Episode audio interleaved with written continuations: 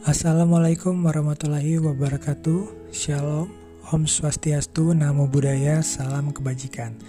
Perkenalkan, saya Diski Pratama, peserta pelatihan dasar CPNS golongan 3, Angkatan 6, Kementerian Komunikasi dan Informatika tahun 2021 Saat ini saya akan menjelaskan terkait materi pembelajaran agenda keempat, yaitu mengenai habituasi sebagai aparatur sipil negara, kita diharapkan menjadi seorang aparatur sipil negara yang profesional dan berkarakter sebagai pelaksana kebijakan publik, pelayan publik, berkat dan pemersatu bangsa. Salah satu hal yang dapat kita lakukan yaitu melalui proses pembiasaan atau penyesuaian supaya menjadi terbiasa atau terlatih melakukan sesuatu yang bersifat intrinsik pada lingkungan kerja Selain itu, terbentuk karakter diri yang ideal melalui proses internalisasi dan dipersonifikasi melalui intervensi tertentu di tempat kerja masing-masing. Nah, inilah yang menjadi konsep atau maksud dari habituasi.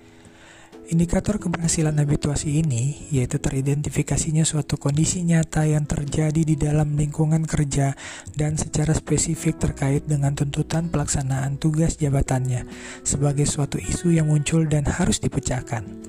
Nah, di sini ASN atau peserta Latsar diharapkan menunjukkan prakarsa kreatif untuk berkontribusi memecahkan isu dengan menginisiasi kegiatan-kegiatan pemecahan isu dan melakukannya secara konsisten yang menghasilkan manfaat dan dapat dirasakan oleh unit atau organisasi, stakeholders atau sekurang-kurangnya oleh individu peserta sehingga terbentuk menjadi karakter dalam mendukung pelaksanaan tugas dan jabatan secara profesional sebagai pelayan masyarakat.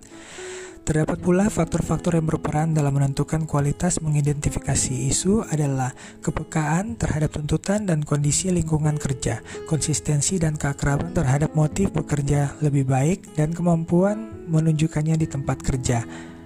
Oke, setelah kita memahami tentang konsepsi dari habituasi, maka selanjutnya kita harus mengetahui bagaimana penciptaan suatu intervensi yang akan digunakan dalam habituasi, yaitu konsep intervensi aktualisasi.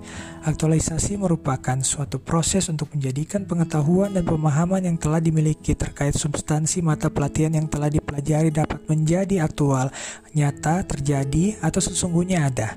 Secara kerafiannya, bagaimana menerjemahkan teori ke dalam praktik, mengubah konsep menjadi konstruk, menjadikan gagasan sebagai kegiatan atau realita, memperhatikan tuntutan pembelajaran yang telah dipelajari. Aktualisasi ini merupakan intervensi agenda habituasi dan bersifat ekstrinsik. Oke, berbicara tentang aktualisasi, kemampuan mengidentifikasi dan menetapkan isu adalah hal pertama yang harus ditunjukkan atau sebagai pintu gerbang pertama dalam aktualisasi. Apa sih isu? Nah, isu secara umum diartikan sebagai subjek penting yang didiskusikan atau diperdebatkan. Terdapat tiga kemampuan yang mempengaruhi dalam mengidentifikasi dan atau menetapkan isu yaitu environmental scanning, problem solving, dan analisis.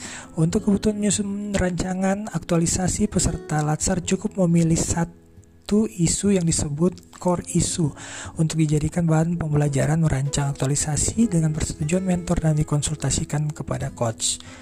Core isu ini berasal dari pemikiran yang konseptual berdasarkan pertimbangan aktivitas-aktivitas yang tersumber dari individu, unit kerja, maupun organisasi. Core isu juga harus berkaitan dengan mata pelajaran manajemen ASN, pelayanan publik, wall of government, serta mata pelatihan nilai dasar PNS yaitu aneka. Core isu selanjutnya dianalisis dampaknya dan level dampaknya. Alat batu penetapan kriteria isu misalnya dapat menggunakan kriteria aktual, kekalayakan, problematik, dan kelayakan.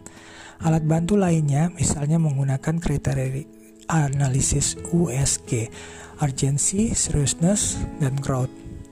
Jika isu telah ditetapkan dengan persetujuan mentor dan dikonsultasikan kepada coach, maka langkah selanjutnya adalah merumuskan isu dalam suatu pernyataan yang ditulis secara singkat dan jelas dengan memuat fokus dan lokus. Berdasarkan core isu yang ditetapkan, ditemukan penyebab-penyebab isu tersebut. Teknik yang digunakan bisa langsung mencari penyebab dengan kategori 5M. Man, money, material, method, dan machine. Selanjutnya peserta mengusulkan gagasan kreatif pemecahan isu dan strateginya melalui pikiran konseptual, dan aktivitas-aktivitas kegiatan yang tujuannya sebagai upaya peserta untuk memberikan kontribusi terhadap pencapaian tujuan organisasi dan memberikan nilai manfaat dengan terciptanya suatu peningkatan, penyederhanaan, penyempurnaan, perbaikan, dan lain-lain. Oke, selanjutnya tahapan dalam aktualisasi diawali dengan pembelajaran aktualisasi dulu. Selanjutnya evaluasi akademik, penjelasan aktualisasi, menyusun rancangan aktualisasi, seminar rancangan aktualisasi, melaksanakan aktualisasi, bimbingan persiapan seminar, dan seminar pelaksanaan aktualisasi. Demikianlah summary yang saya terkait agenda 4 yaitu habituasi dengan materi aktualisasi. Terima kasih, semoga dapat bermanfaat.